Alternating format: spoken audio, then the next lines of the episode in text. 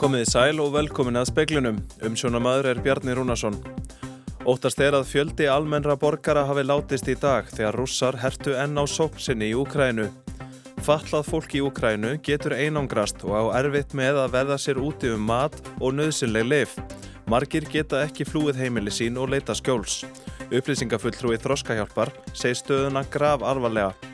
Forsættisrað þeirra fundar með framkvæmdastjóra NATO í Brussel innan skams. Stjórnvöld ætlaði að verja um 150 miljónum króna til viðbótar í aðstóð til Úkrænu. Fórstjóri landspítala vonast til að hægt verði að færa spítalan niður af neyðarstíi á næstu dögum. Staðan er metin á hverjum degi. Meira er um tjón á bílum þar sem af er vetri með að við seinustu tvö ár. Meiri snjór hefur verið í vetur og tjón af ýmsum toga. Rúsneski herin sækir enn fram í Úkrænu og óttast er að fjöldi almennra borgara hafi tínt lífi í dag á sjöunda degi innrásar. Greint var frá því síðtegis að sendinemdir rússa og úkrænumanna ætli að hittast öðru sinni til friðar viðræðina við landamæri Kvítarúslands í fyrramálið en viðræður á mánudag baru engan árangur.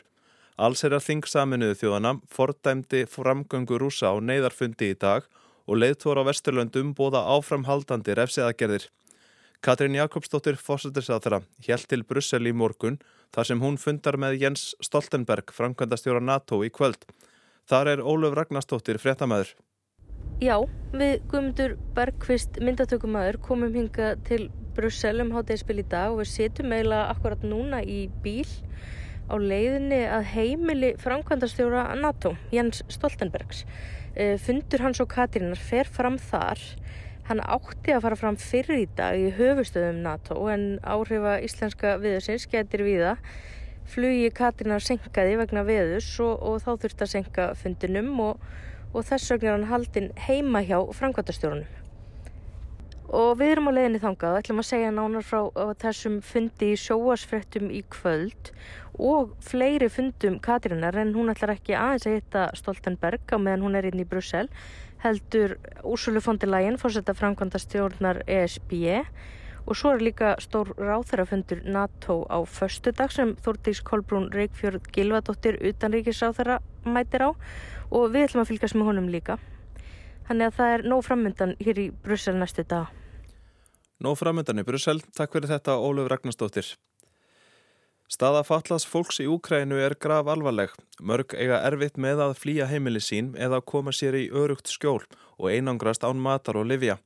Þessi hópur gleimist oft þegar stríð, stríð geysar, segir upplýsingafulltrúi Þróskahjálpar. Þróskahjálp funda í dag með sýstur samtökum sínum. Meðlemið samtaka í Úkrænu sögðu þar frá reynslu fatlað fólks í stríðinu og hvernig létta megi undir með þeim hópi. Inga Björg Margreðar Bjarnadóttir, upplýsingafulltrúi Þróskahjálpar sem satt fundin, segir að staðan sé graf alvarleg. Falla fólk sé berskjaldað í hamförum, líklara til að vera skilið eftir og búa við skort og geti ofta ekki bjarga sér úr lífsættulegum aðstæðum. Og oft lendir þá á aðstandendum að þurfa algjörlega hug, hugsa um þá sig og falla aðstandendur vegna þess að auðvitað bara sinja öll kerfi í kringum fólk öll stóð þjónusta og slíkt bara hrínu niður og í einhverjum tilfellum er fólki á stopnunum og er þá bara erfitt að manna heimilin og, og starfsmenni flýja þannig að staðan er bara grav alvarleg. Fölluðu fólki í Úkrænu getur einst erfitt að verða sér úti um mat og nöðsynlega liv. Býða þurfi í lungum röðum fyrir utan maturverslanir sem er ekki á færi allra.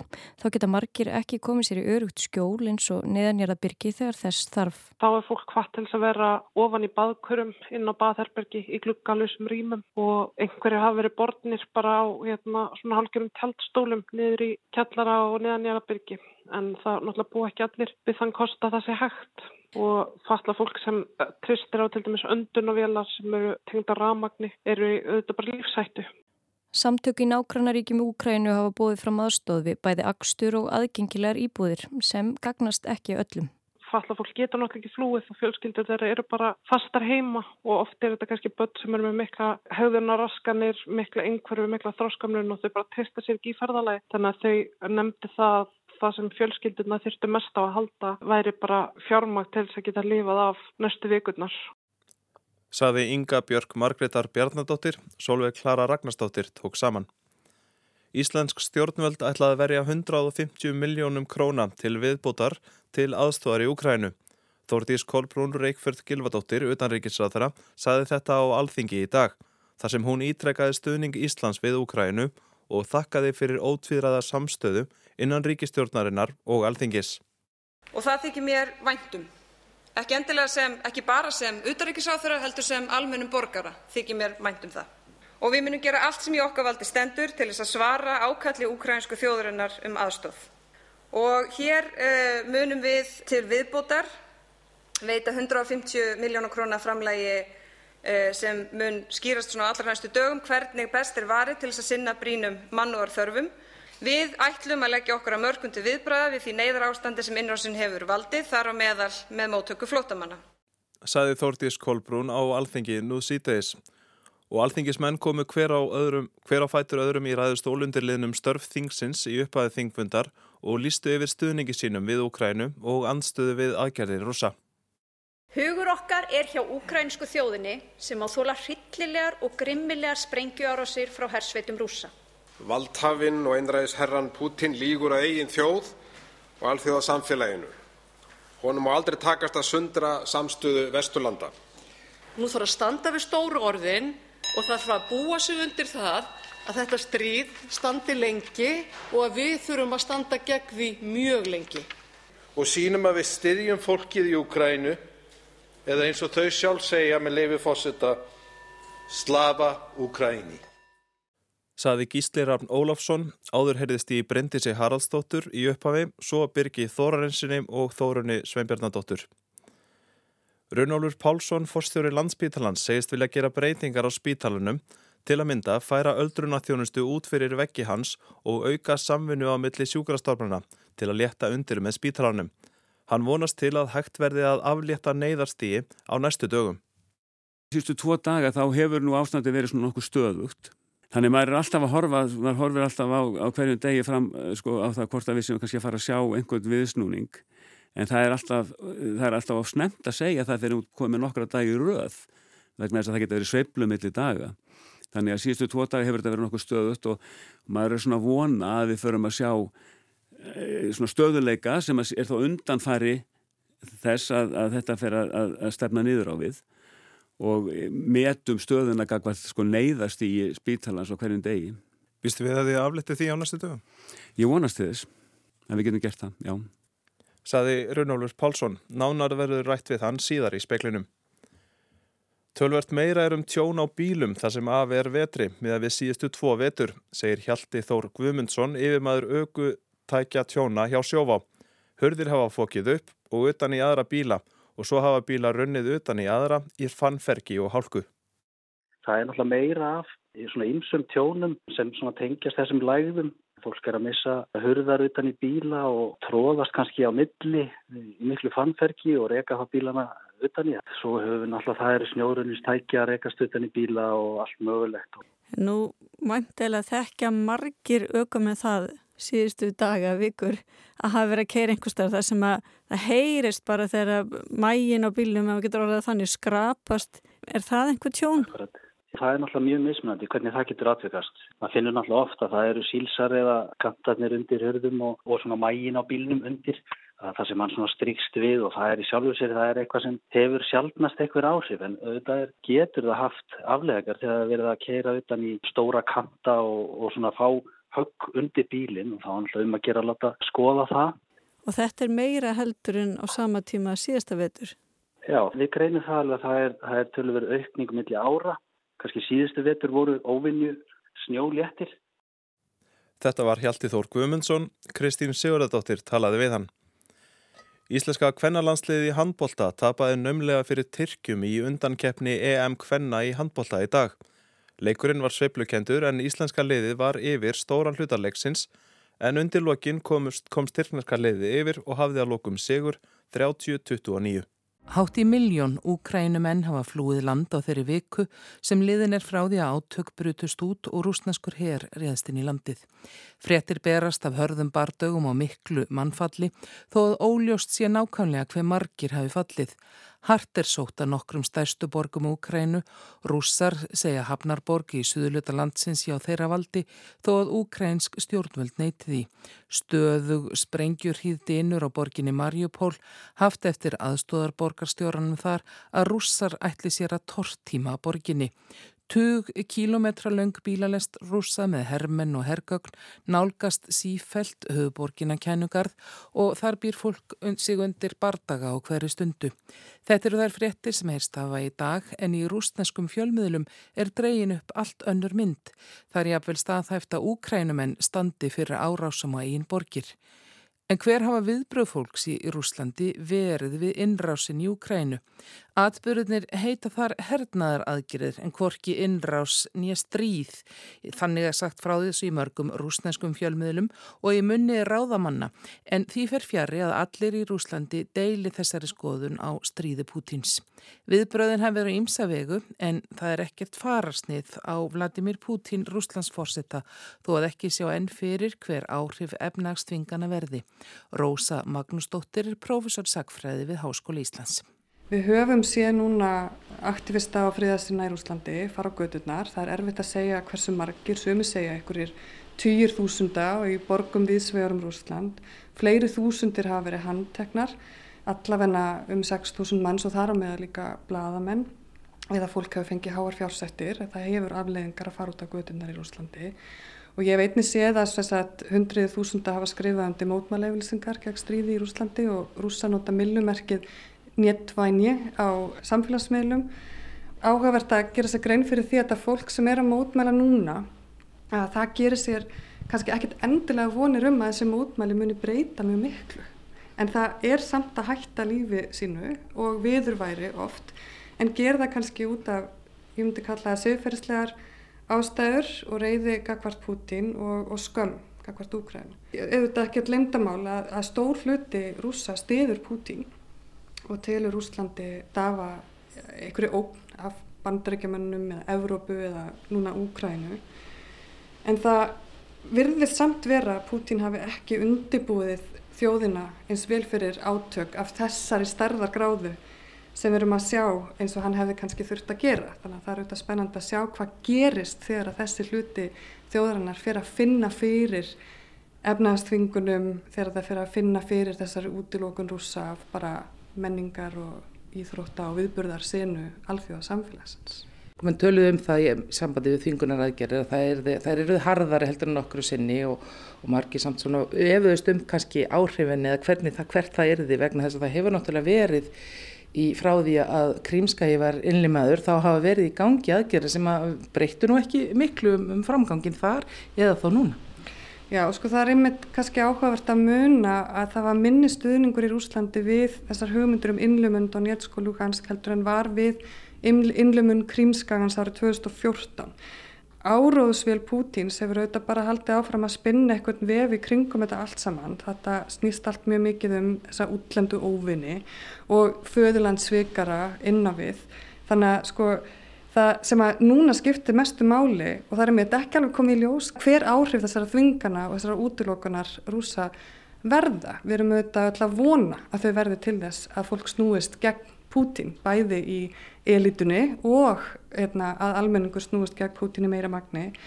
Það í rauninni skiptir svo miklu máli að koma á upplýsingum áfram til Rúslands til þessara almennu rúsa að þeir skilji umfang stríðsins, að foreldrar þessara ungu hermana sem er að láta lífið í Úkrænu skilji að þetta er ekki æfing, þetta er ekki aðgerð eins og rússar kalla þetta heldur hörmulegt stríð, þar sem að þúsundir hafa látið lífið og, og gera enn.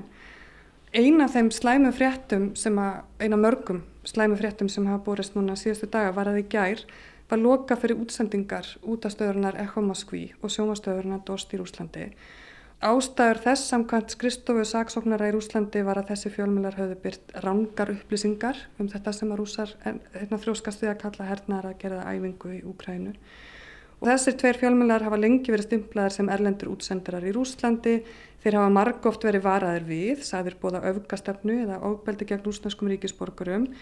Fréttir miðlana af stríðun í Úkrænu gerðu útslæð, þannig að saksóknari sæði þá hafa fram í brot á stjórnsýslulögum Það sem að grein 13.15 var aktverið og þar er því haldið fram að það megi refsa fyrir ólögmatar eða rángar upplýsingar.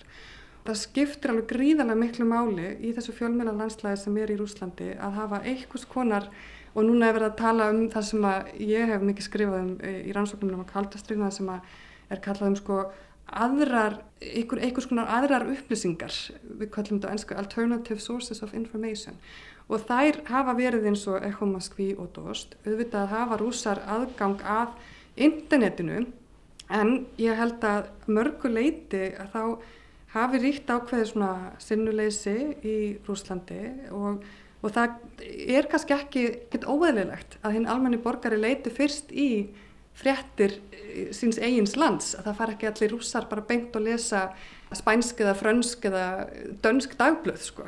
Það, ég held að það sé ekki heldur normið á Íslandi. Við megum ekki ætlast til meira af rúsum heldur en við kannski ætlumst til af okkur sjálfum. En það skiptir gríðarlega miklu máli að reyna að koma upplýsingum um framgangsstríðsins til Rúslands. Margi rúsar eru á samfélagsmiðlum, ég hef reyndar hyrt frá mínum vinnum að það sé orðið erfiðara að til dæmis eiga, eiga í samskiptum á Messenger, þannig að þurfa að fara inn á svona VPN tengingu til þess að halda þeirri, þeirri rás opinni og geta verið í samskiptum. En þetta er líka upplýsing á áróðustríð það er það alveg í miklu mæli sko, þessi áróðusvél Pútins mun bara halda áfram að spinna þennan vef sem hefur verið spunni núna alveg frá því að hann tók við völdum, sko, það er alveg saman hvort við erum að horfa á misnótkun Pútins á sögu til dæmi síðari heimstrialdar sem hann tengi mikið við þessa, þetta markmið sitt að einhvern veginn að afhjúpa og afnema nazisma í í Úkrænu, hann heldur svona ákveðinu orðræðu í gangi í Rúslandi sem að reyna einhvern veginn að nota til þess að staðfesta vald sitt gangvart rúsum og svona auka þessa tilfinningu með rúsum að þetta sé einhvers konar réttlætanlegt stríð, það sé verið að vernda rúsa gangvart einhverjum ágangi nazista eins og þurfti að vernda þá gangvart ágangi nazista í síðari heimsturi. Stríðsreksturinn hefur haft áhrif langt út fyrir átakasvæðið. Þess eru víðadæmi að rúsa sæti aðkasti hver sem skoðun þeirra á hernaðinum er. Ég hef heyrt sögur að því nú þegar að rúsneskir vinnu mín er búsetti til dæmis í Fraklandi að þeirra verði fyrir aðkasti í skólum.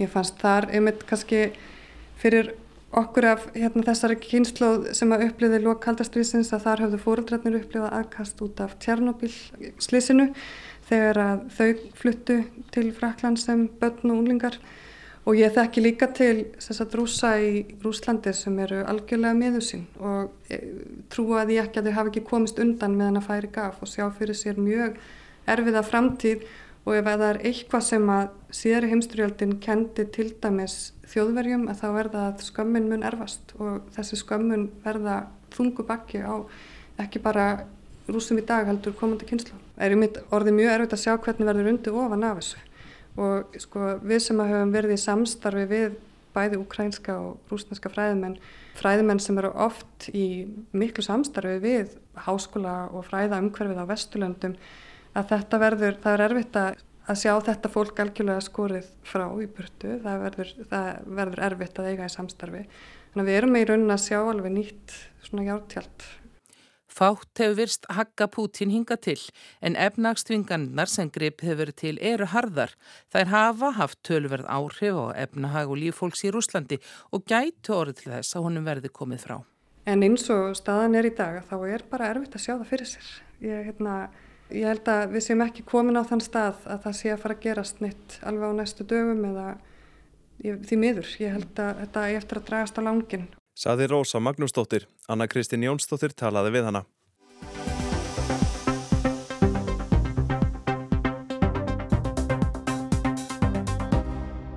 Runólur Pálsson settist í forstjórastól landsbítalans í gær. Runólur er varaforseti læknadeildar Háskóla Íslands og var einna yfirmunum COVID-göngudeildarinnar og hefur verið áberandi sem slíkur senstu tvö ár. Runólur er komin hingað í speilin. Vertu velkomin. Takk að þið fyrir. Hvað ætlar nýr forstjórið að gera til þess að bæta stöðu landsbítalans? Já, þetta er enda stór spurning. Það eru mjög stóra áskoranir sem við stríðum stöndum eh, frammi fyrir og uh, það snertir bæði aðstöðuleysi vegna, vegna bara úrelds húsnæðis og, og, og svo manneklu.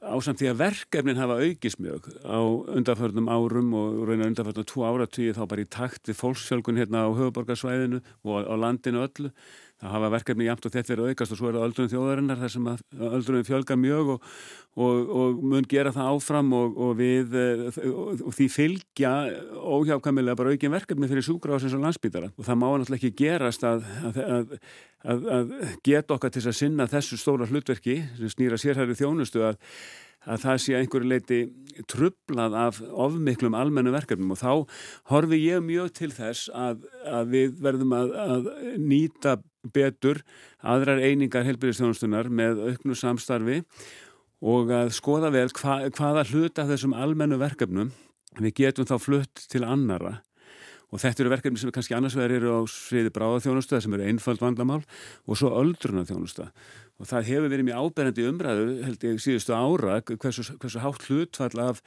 af eh, legurúmum spítalans eru nýtt undir öldruna þjónustu og alltaf fjórðungur. Og það er bara einfallega of mikið fyrir sjúkráðsins og landsbítala og miða við bara þann fjöldan legurýma sem við höfum í heil þannig að mér veist það að sóknafæri að færa þann hluta annað og það er líka ebla önnur úræði innan, innan öldrunarþjónustu heima þjónustu þannig að sé hægt að sinna fólki og grípa kannski fyrir inn í vandamál áður heldur en þau verða því marki að, að við komum að þurfi sjúkra á sínlegna við. Þetta bara hefur verið gert annar staðar í heiminum með ágætum árangri.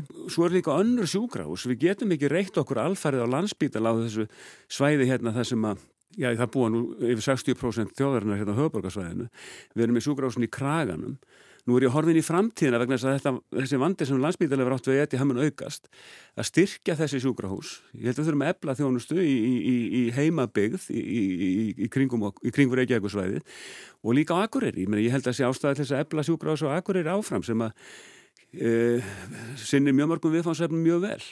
Mönnunarvandi það er að verða eitthvað skonar mantra þegar að tala er um, er um spítalan. Hvaða nálgun ætlar þú að beita til þess að bæta úr þessum mönunar vanda sem er orðin viðvarandi á spítalanum? Já sko vandin er náttúrulega orðin stórin, hann er líka, hann er marg þættur. Landsbítali hefur ekki verið nægilega samkeppnisfær við aðrar stafseiningar í helbriðistjónustunni og ekki síst engaregnar e, miðstöður hérna á höfuborgarsvæðinu um stafsfólk.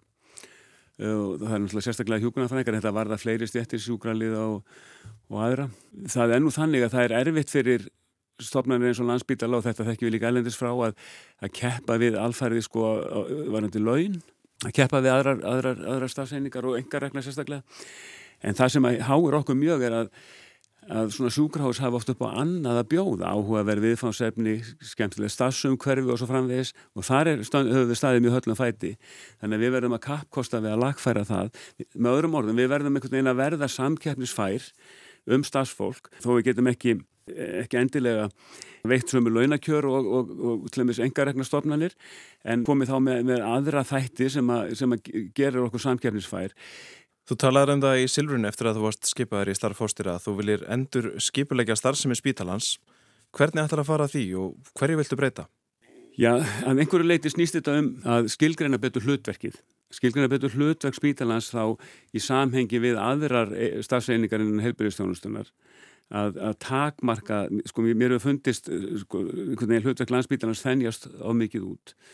Og að, að, að færa þá verkefni sem hættir að sinna annar staði með ágætum hætti að færa þau frá spítalanum þá skapast meira ráðrum til þess að skilgreina þau verkefni sem spítalin þarf að sinna vegna þess að það er engin annar sem hefur burðið til þess hér uh, og verkefni sem eiga hvergi annar staðar heima.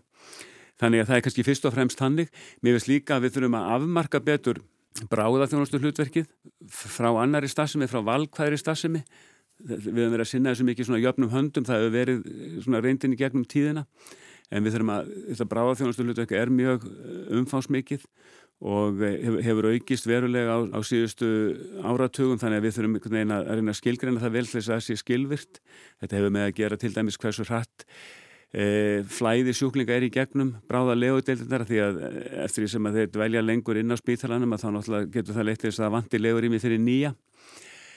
E, síðan e, þarf líka að skilgarina sérstaklega háskóla hlutverkið og e, það hefur, hefur í rauninni verið mjög samtvinna annari stað sem hefur, hefur hallað á það síðustu ár meðal annars vegna bara þungra klíniska verkefna sem við höfum átt í full, fullu fangi með að sinna. En við þurfum að afmarka það betur og skilgreina, skilgreina betur uh, uh, uh, svona, þá starfsemi þannig að við getum synt henni á, að fullum dampi en, en það er snúið málvegna þess að þetta náttúrulega sömu starfskraftar og eru líka aðilar að klíniska starfinu þannig að við þurfum þá að tryggja nægan mannabla þannig að hafi nægan tíma og, og ráðurum til slíkra verka. Þannig að þetta er svona í stórum dráttum svona svo mynd sig í sé. Mm, Þetta helst allt í hendur. Helst allt í hendur, já. Uh, En hvernig hvernig miðar byggingu nýs spítala? Er alltaf á áallun þar? Ég veit ekki annað en að, en að svo sé. Það er, það er stemt að að þessi nýju meðferðarkjarni að hann að byggingu hans verði lokið 2026. Auðvitað óttast maður alltaf þegar maður ræða ofnbæra byggingaframkvæmdir að það er tefjist. Það eru ímsa ástæði fyrir því, það eru útbóðsmál og kærumál og þetta er eitthvað sem maður hefur eitthvað vanist þegar maður hefur fylst með slíkum framkvæmdum í gegnum tíðina en það má bara eiginlega ekki gerast í samvætti við nýja meðferðarkjarnar vegna þess að okkur liggur svo á honum. Það eru núna 55 sjúklingar sem liggja á landsbítala með eða vegna COVID-19, þrýr er á gjörgæslu, þeir eru á, á neyðarstígi, svona með hliðsuna af því sem hefur gerst senstu tvö ár, nú eru að vera komið vika síðan öllu var aflétt, hvernig er staðan? Staðan er reyndar, hefur verið mjög erfið og það er náttúrulega skýrir það að spítanum skulle vera á neyðarstígi. Þetta er allt öðru vísi eh, svona viðfánsefni heldur en var framann að faradurum, þá vorum við með alvarleg veikindi, mjög alvarleg veikindi en höfðum fulla stjórn á, á, á hérna, uh, hlutunum. En það sem hefur gerst núna er að við erum alveg búin að missa sko, þessa stjórn sem við höfðum, við erum ekki með yfirsýn til dæmis yfir, yfir, yfir hóp greindra eins og áður var. E, þannig að, að þetta úrræði sem við hefum verið að beita að, að finna bara sjálf þá sem að eru í mikill áhættu vegna þess að við höfum upplýsingar um að fólk sé haldið alvarlegum sjúkdómi eða er á ónæmisbælandi livja með þegar þá hefur við verið að kalla þetta fólk inn til mats og jafnvel meðferðar. Það höfum við ekki lengur og við treystum bara á að fólk komist í okkar hendur eftir öðrun leiðum. En inn á spítalanum að þá er líka vandin all, allt annar og þetta er raun og veru miklu flóknara viðfáðsefni fyrir okkur vegna þess að það er bara smit að spretta, út, að spretta upp út um allt öllum deildum spítalans bráðamóttökunni e, vegna þess að, að, að, að það bara endur spekla hversu útbreytt smit er í samfélaginu. Og svo hinn hérna, flöturinn á þessu sem er starfsfólkið. Að við erum að missa svo mikið af starfsfólki út vegna smita. Sýstu tvo daga þá hefur nú ástandi verið svona nokkuð stöðugt. Þannig maður er alltaf að horfa maður horfir alltaf á, á hverjum degi fram sko, á það hvort að við sem kannski að fara að sjá einhvern viðsnúning en það er alltaf, það er alltaf á snemt að segja það þegar við komum nokkra dagi röð vegna þess að það geta verið sveiflu millir daga. Þannig að síðustu tvo dagi hefur þetta verið nokkuð stöðut og maður er svona vona að við förum að sjá e, svona stöðuleika sem er þá undanfari þess að, að þetta fer að, að stefna niður á við og metum stöðuna gagvað sko neyðast í spítalans á hverjum degi. Vistu við að þið aflettu því á næstu dögum? Ég vonast þess, en við getum gert það, já. Við komumst ekki lengra. Rúnur Pálsson, takk hjálpa fyrir komuna í speilin. Takk sem leiðis. Og það var helst í speiklunum í kvöld að óttast er að fjöldi almennra borgara hafi látist í dag þegar Rúsland, þegar rússar hertu enn á sóksinni í Ukrænu. Fallað fólk í Ukrænu getur einangrast og á erfitt með að verða sér úti um mat og nöðsynleg lif. Margir geta ekki flúið heimili sín og leita skjóls. Upplýsingafylgtrúið Þroskahjálpar segir stöðuna grav alvarlega. Fórsættisráð þeirra fundar með framkvæmdastjóra NATO í Brussel innan skams. Stjórnvöld ætlaði að verja um 150 miljónum króna til viðbútar í aðstóð til Úkrænu. Fórstjóri landsbítalans vonast til að hægt verði að færa spítalan niður af neyðastíi á næstu dögum. Meira er um tjón á bílum það sem aðveri vetri með við senustu tvö ár. Meiri snjór hefur verið í vetur og tjón af ymsum toga. Það er ekki fleira í speiklunum í kvöld. Tæknimaður var Magnús Þorstedt Magnússon. Verðið sæl.